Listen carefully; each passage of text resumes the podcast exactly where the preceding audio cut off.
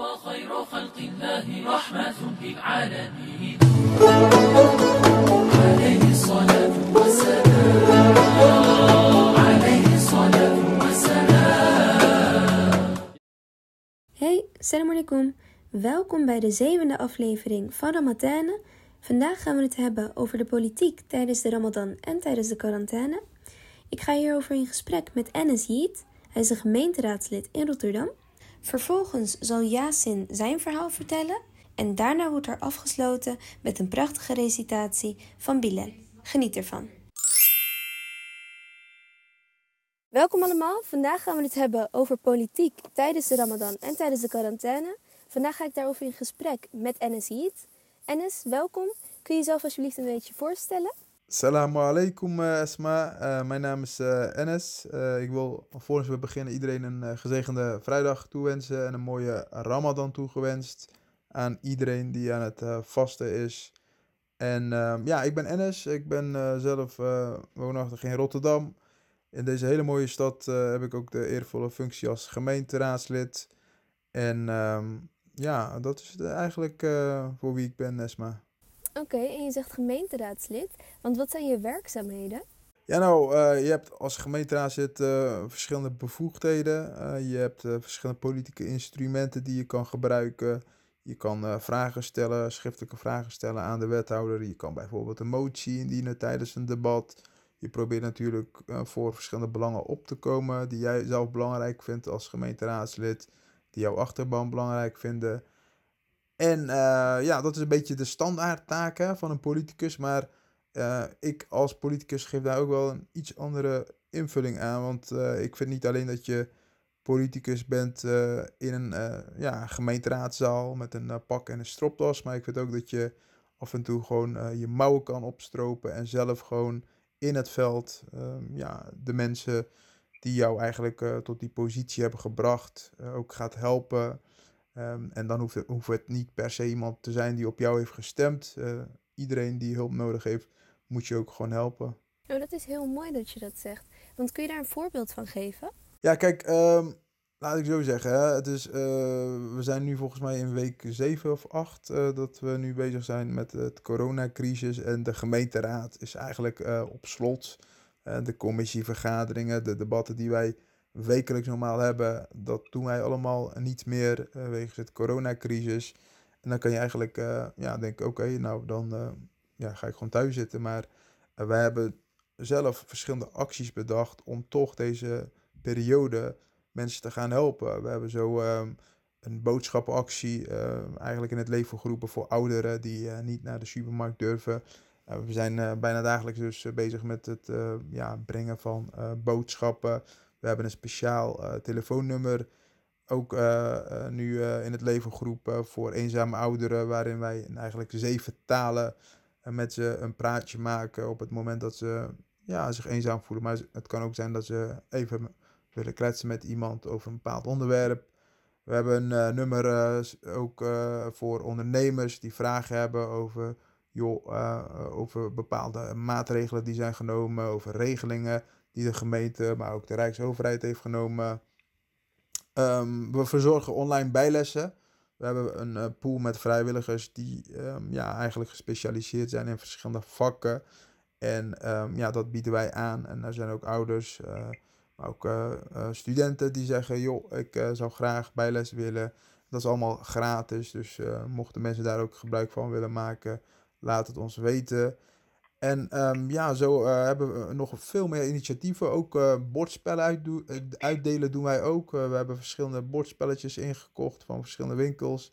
En ja, kinderen zijn thuis en ja, zij moeten ook natuurlijk verschillende bezigheden hebben. Dus uh, ja, ik heb in de afgelopen week ook veel uh, bordspelletjes mogen uitdelen. Dat is eigenlijk een beetje zo'n uh, gros wat we aan het doen zijn. En elke dag heb je ook verschillende ad hoc acties. Als mensen zeggen, joh, kom even hier langs. daar is iemand die een bepaald probleem heeft. Dan ehm, ja, ga je daarheen, hoor je een verhaal aan. En ik vind dat ook belangrijk dat je dat blijft doen. want ja, heel veel politici denken dat alles alleen maar geregeld wordt in het stadhuis. Maar ik denk dat daar buiten zoveel meer is, Esma. Nee, precies, dat snap ik inderdaad. En echt hele mooie initiatieven ook. Want uh, vooral met deze tijden, het is belangrijk om verbonden te blijven met elkaar en dat je elkaar helpt en steunt. Alleen inderdaad, wat je zegt, van er zijn mensen die niet gehoord worden. En op deze manier worden ze wel gehoord. Want uh, je had het over een telefoonnummer en uh, bijles en zo. Want hoe kunnen mensen daarbij of hoe, hoe zijn jullie te bereiken? Of via welk kanaal? We, hebben, uh, ja, we gebruiken actief social media. Dus dan kan je denken echt aan Facebook, Instagram, um, LinkedIn. Maar we hebben ook echt een telefoonnummer. Die kan ik straks ook aan jou doorgeven. Dan kan je dat misschien even ook vermelden. Ik ken het even niet uit mijn hoofd. We hebben echt een nummer van onze fractie. daar hebben we medewerkers die eigenlijk continu paraat staan om, om mensen ja, te woord te staan. Maar uh, ik krijg ook heel veel berichten zelf hè, in mijn eigen um, e-mail, uh, in mijn social media kanalen. En ik wil misschien even een voorbeeld geven die mij erg wel, um, ja, toch wel ontroer heeft ontroerd. Want ik had, even kijken hoor, dat was, ja, maandag kreeg ik een bericht van een um, mevrouw die stuurde mij een ja, foto van een pan. een pan met volgens mij heet water erin. En toen stuurde ik gewoon een vraagteken, want ze had er uh, niets bij gezegd. En uh, ja. toen zei ik van, uh, ja, waarom heeft hij deze foto gestuurd? En toen zei ze van, nou, dit is eigenlijk wat ik alleen in huis heb. En ik moet vanavond voor mijn kinderen koken. En ik heb gewoon, ja, een beetje zout. En ik heb een pan met heet water. En ja, kijk, dat zijn echt schrijnende voorbeelden. We hebben gelukkig die mevrouw kunnen helpen. Maar ook vandaag, vanochtend nog, heb ik een mevrouw gehad die zei: uh, Ja, ik woon uh, uh, in Krimpen aan de IJssel. Eh, dat is in de buurt van Rotterdam. En ze zei: Joh, ik, ik heb vijf kinderen. En ik heb ze al een tijdje geen vlees kunnen geven, geen halal vlees. Ik kan het ook niet kopen hier. En ik kan ook niet reizen. Ik heb geen auto, OV. Als ik met OV naar Rotterdam ga, heen en weer kost dat maar 8 euro. Dat kan ik me niet permitteren. Ook haar heb ik gelukkig kunnen helpen. Maar dat zijn wel gewoon ja, de voorbeelden die je dagelijks uh, ziet. Uh, en uh, ja, dat is wel schrijnend. Een op de vijf kinderen in Rotterdam leeft in armoede. Ik was ehm, een tijdje terug voor het coronacrisis was ik in een Rotterdamse basisschool waar ehm, ik gastles mocht geven. En ik weet nog heel goed dat op een gegeven moment tijdens de pauze een jongetje naar de gang ging. En uh, ja, dat viel me op. Op een gegeven moment uh, kwam hij niet terug. Uh, nou, het was bijna tijd. Ik ging naar de gang. Ik zei, joh, wat is er aan de hand? Want hij liep, ik zag hem rondjes lopen in de gang. En hij zei, nee, nee, nee, niks aan de hand. Er is niks. Ik zei, zeg nou, wat is er aan de hand? Want ik zeg aan hem dat er iets aan de hand was. nou, hij zei niks. en ja, ik wist dat dat een Turks-Nederlandse jongetje was. En ik zei in het Turkse van, Nolde, wat is er aan de hand? En toen brak hij, hij begon opeens te huilen.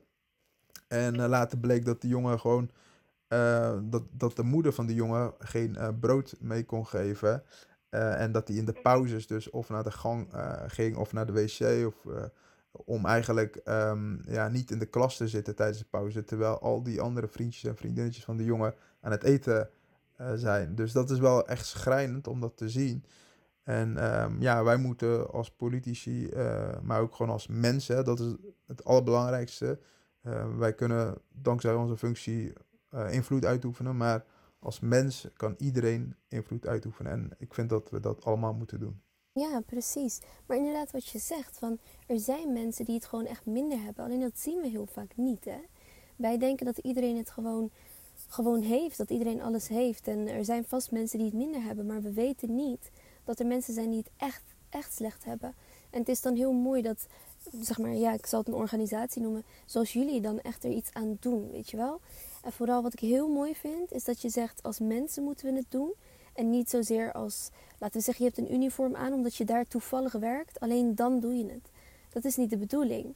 Het enige voordeel is, denk ik, hè, dat heb ik gezien, wat jij zegt net, dat klopt helemaal. Je ziet het niet. Voordat ik politicus was, had ik echt in Nederland of in Rotterdam niemand echt uh, leren kennen die het, eh, die, die, het echt, die het gewoon slecht had. Die geen eten kon kopen. nadat je politicus wordt, dan zie je dat wel. Dan ga je naar, naar werkbezoek. Dan ga je bijvoorbeeld naar een voedselbank. Dan zie je rijen waarvan je denkt, joh, ben ik op Schiphol? Ik heb nog, zo'n, ik heb nog nooit zo'n rij gezien. Ehm, maar kijk, het voordeel van politicus zijn is dat je toch een stukje eh, vertrouwd gevoel geeft bij mensen. Want er is een hele grote aspect, schaamte. Hè? Schaamte. Mensen durven natuurlijk eh, niet 1, 2, 3 te, eh, te zeggen van joh, ik heb geld nodig, of ik heb brood nodig, of ik heb vlees nodig. Maar ehm, ja, ik, ik ben heel blij. En ze durven ook niet naar alle, ehm, ja, naar zomaar iemand, ook al ben je een politicus of een minister. Maar ik ben heel blij dat ik in de afgelopen tijd toch bepaalde mensen dus blijkbaar hun vertrouwen heb eh, kunnen winnen. Dat ze mij gewoon echt wel benaderen. En die mensen kunnen we helpen en die helpen we. En dat is wel heel belangrijk. Maar vergis je niet, schaamte, dat is echt een van de grootste oorzaken waarom je eigenlijk dat probleem niet eh, ja, ziet. Of eh, ja, dat mensen zich niet zo snel aanmelden ergens. Nee, precies. Inderdaad, schaamte is het. En ik kan me ook voorstellen dat als ouders het niet zo breed hebben, dat ze het niet aan de kinderen willen laten zien. Alleen het, het kan niet anders. En meestal leidt het kind eronder, weet je wel. Dan, inderdaad, wat jij zegt, van dat ze op school zijn of zo. En dat ze eigenlijk helemaal geen eten mee hebben. En dat ze zien dat de andere kinderen het wel hebben. Ja, wat je, wat je zegt is helemaal waar. Kijk, die, dat, dat jongetje die eh, ik op de basisschool eh, sprak, die jongen bedenkt op 12, 13-jarige le- een leeftijd al strategieën. Hoe moet ik omgaan? Hoe moet ik verbergen dat ik geen brood heb of dat mijn moeder geen brood kan meegeven? Dus die gaat dan naar de gang, die gaat naar de wc, die gaat, eh, ja, die doet alsof die belt of zo, ik weet het niet. eh, Maar eh, die probeert dus iedere pauze dan naar buiten te gaan. En hij beseft natuurlijk niet dat dat opvalt. Hij denkt, nou, ik, heb het, ik heb in ieder geval dat kunnen verbergen. Maar dat jongetje zit met een lege maag en die moet gaan presteren. Van die jongen verwacht heel de maatschappij, alle politieke partijen, dat hij zijn best gaat doen en dat hij eh, een bepaalde positie bereikt in de samenleving. Maar hoe kan jij je überhaupt concentreren op school? Hoe kan je eh, goede cijfers halen als jij niet eens eten hebt? Nee, inderdaad, heel mooi. Kijk, wat ik ook heel mooi vind is, nu vooral tijdens quarantaine doen jullie dit. Want je weet dat mensen het minder hebben en eh, mensen kunnen niet werken, dus er is minder geld. Dat soort dingen. Alleen ook als we het linken aan de Ramadan. Want ook de Ramadan gaat daarover eigenlijk. Gaat erover dat je goed bent voor je medemens, dat je ehm, mensen helpt die het wat minder hebben. Dus het is eigenlijk twee in één op dit moment. Dat is wel mooi, toch? Hey, de Ramadan is natuurlijk eh, een, eh, ja, een heilige maand voor ons als moslims. En da- daar eh, moeten wij juist elkaar helpen. Maar kijk, wat ook nu belangrijk is of extra cruciaal is, is dat normalitair heb je tijdens de Ramadan grote iftars in de moskeeën, in verschillende andere plaatsen.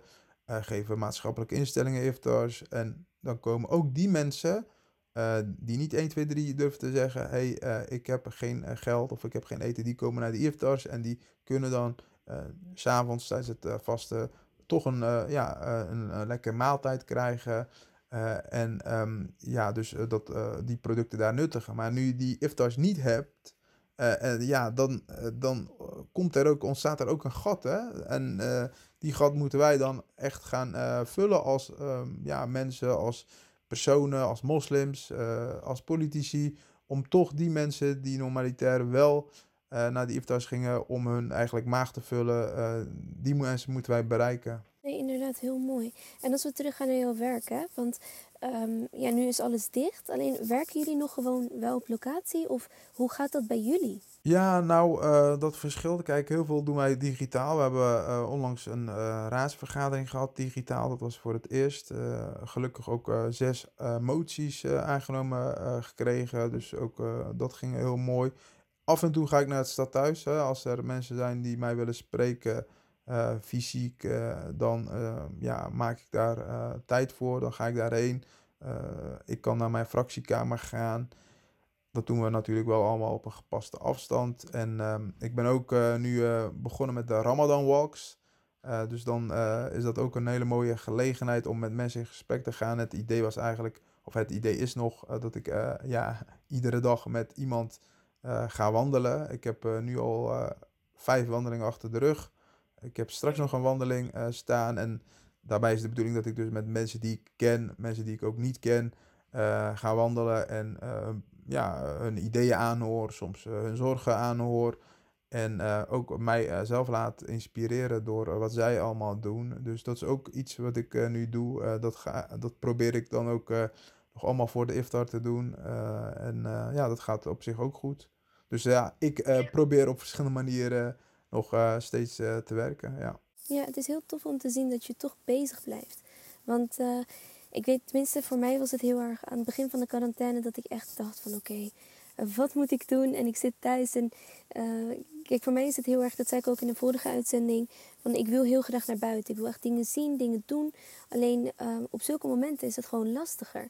Alleen het is heel mooi om te zien dat mensen zoals jij er toch echt gebruik van maken. Dat je op pad gaat, dat je mensen aanspreekt, dat je vooral met een netwerk heel goed aan de slag kan. En dat is heel mooi om te zien. Eh, Weet je, mijn punt, kijk, ik ben iemand die heel veel loopt. Ook voor, eh, de, ehm, ja, voor het coronacrisis eh, was ik iemand die minimaal per dag eh, 20.000 stappen ging zetten. En dat deed ik dan gewoon echt een beetje ja, door ja, met de mensen te bellen. Wat afspraken die ik had, telefonisch, die deed ik dan allemaal tijdens, het, tijdens mijn loopjes. Maar het was voor mij altijd een doel, 20.000 stappen per dag. En dat behaalde ik bijna altijd.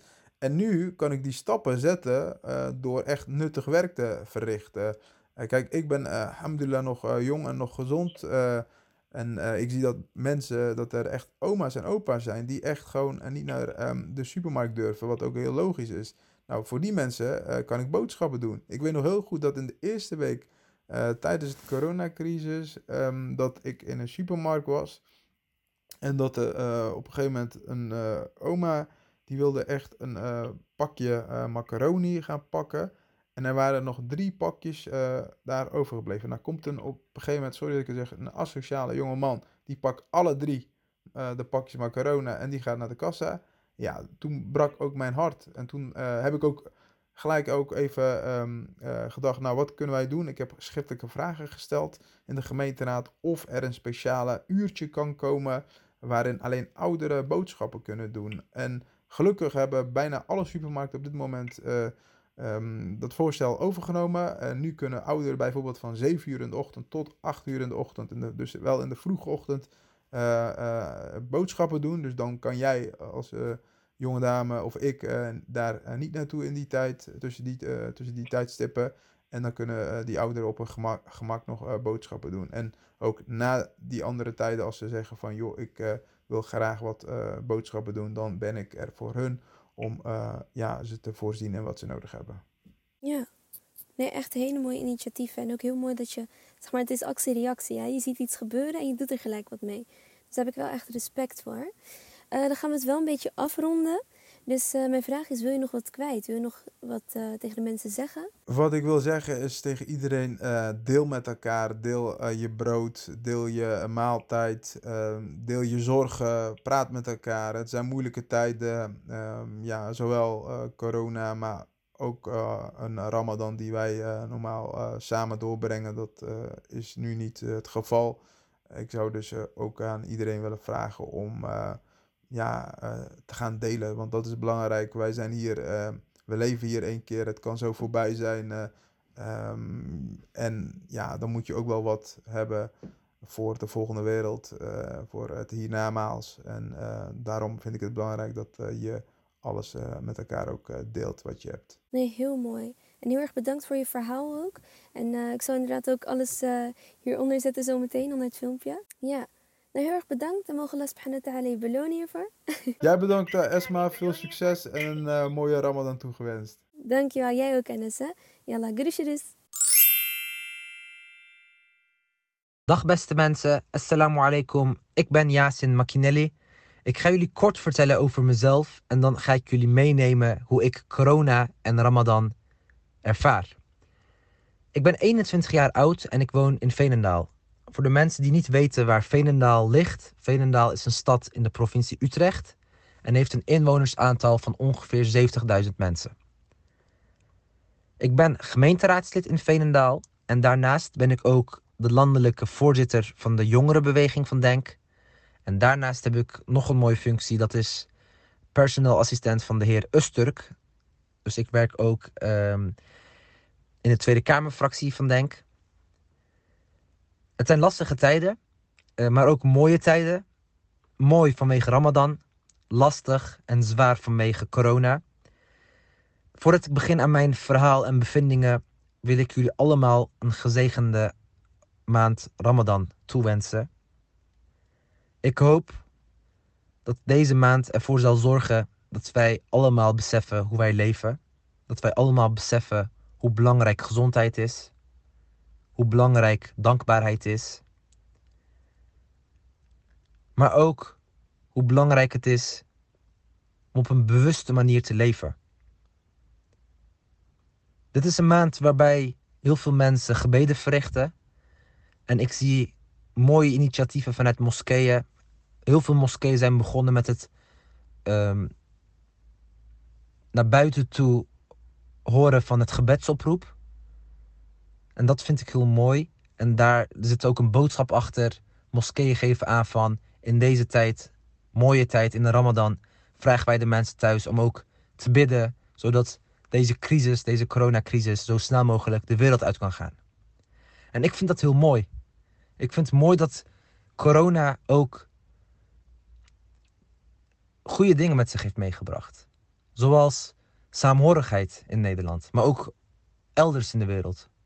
Ik zie mooie initiatieven. Ik zie dat mensen omkijken naar anderen. Ik zie dat mensen veel meer ouderen helpen. Veel meer de zwakkeren helpen. Ik zie geweldige initiatieven ontstaan. Ook in Veenendaal hebben wij het een en ander gedaan. Ik zelf heb als gemeenteraadslid het een en ander aangekaart. Het is niet makkelijk. Het is tijd van crisis. Wij werken ook thuis. Als politicus ben ik ook 24-7 thuis. Alle vergaderingen gaan digitaal. Alle overleggen gaan digitaal. Ik vind het heel lastig. Ik ben hier volksvertegenwoordiger. Mijn inwoners hebben het lastig. Er is een virus wat heerst. En ik kan mijn huis niet uit om mensen te helpen. Bijna niet. Het doet pijn om te zien dat er mensen overlijden. Om te zien dat gezinnen kapot gaan. Van pijn en verdriet. Maar dit is helaas wel een realiteit. Wat moet een politicus doen in deze tijd? Dat is wel een belangrijke vraag. Wat doen die politici nou allemaal? Ik zie, als ik kijk, geweldige initiatieven, ook vanuit politieke partijen. Ook vanuit mijn collega's in andere steden. Ik zie bijvoorbeeld in Rotterdam, in Schiedam, in Amsterdam, in Zaanstad, in Amersfoort, in verschillende steden van het land dat mijn collega's zich hard maken voor de mensen die het niet goed hebben. Dat mijn collega's boodschappen doen voor ouderen. Dat mijn collega's dagelijks werken bij voedselbanken. Vrijwillig om mensen daar te helpen, om mensen die het niet goed hebben, mensen die geen eten hebben, eten te geven. Dus politici in het land zijn ook bezig met allerlei initiatieven. Ik vind het niet goed om te vertellen wat ik allemaal doe qua goede dingen op dit moment. Dus daarom ga ik dat overslaan. Ehm, wel probeer ik er wel altijd bewust van te zijn van Yasin, je kan veel meer. Um, alhamdulillah. Ik leef heel goed. Ik ben gezond. Ik heb een familie. Ik heb een geweldige baan. Ik kan mensen helpen. Maar het kan meer. Ik kan nog meer doen. Ik kan nog meer helpen. En dat is iets waar ik elke keer weer dagelijks weer bewust van wil worden. En de maand Ramadan is eigenlijk een perfect moment om elke dag op een bewuste manier na te denken. Hoe leef ik mijn leven? Hoe kan ik mensen helpen? Hoe kan ik mensen nog beter helpen? Dat is een vraag die ik mezelf elke dag stel. Het is niet makkelijk om een politicus te zijn. Vooral in tijden van crisis. Ik heb het net ook al verteld. Als je bijna je huis niet uit kan. Als je mensen op een beperkte manier kan helpen. Dan doet dat pijn met jou. Want je werkt je dagelijks kapot. Zodat mensen zich vertegenwoordigd voelen. Zodat mensen zich goed voelen. Zodat niemand huilt. Zodat mensen geen problemen ervaren. Maar er is crisis en je kan zo weinig. Dat doet heel veel pijn.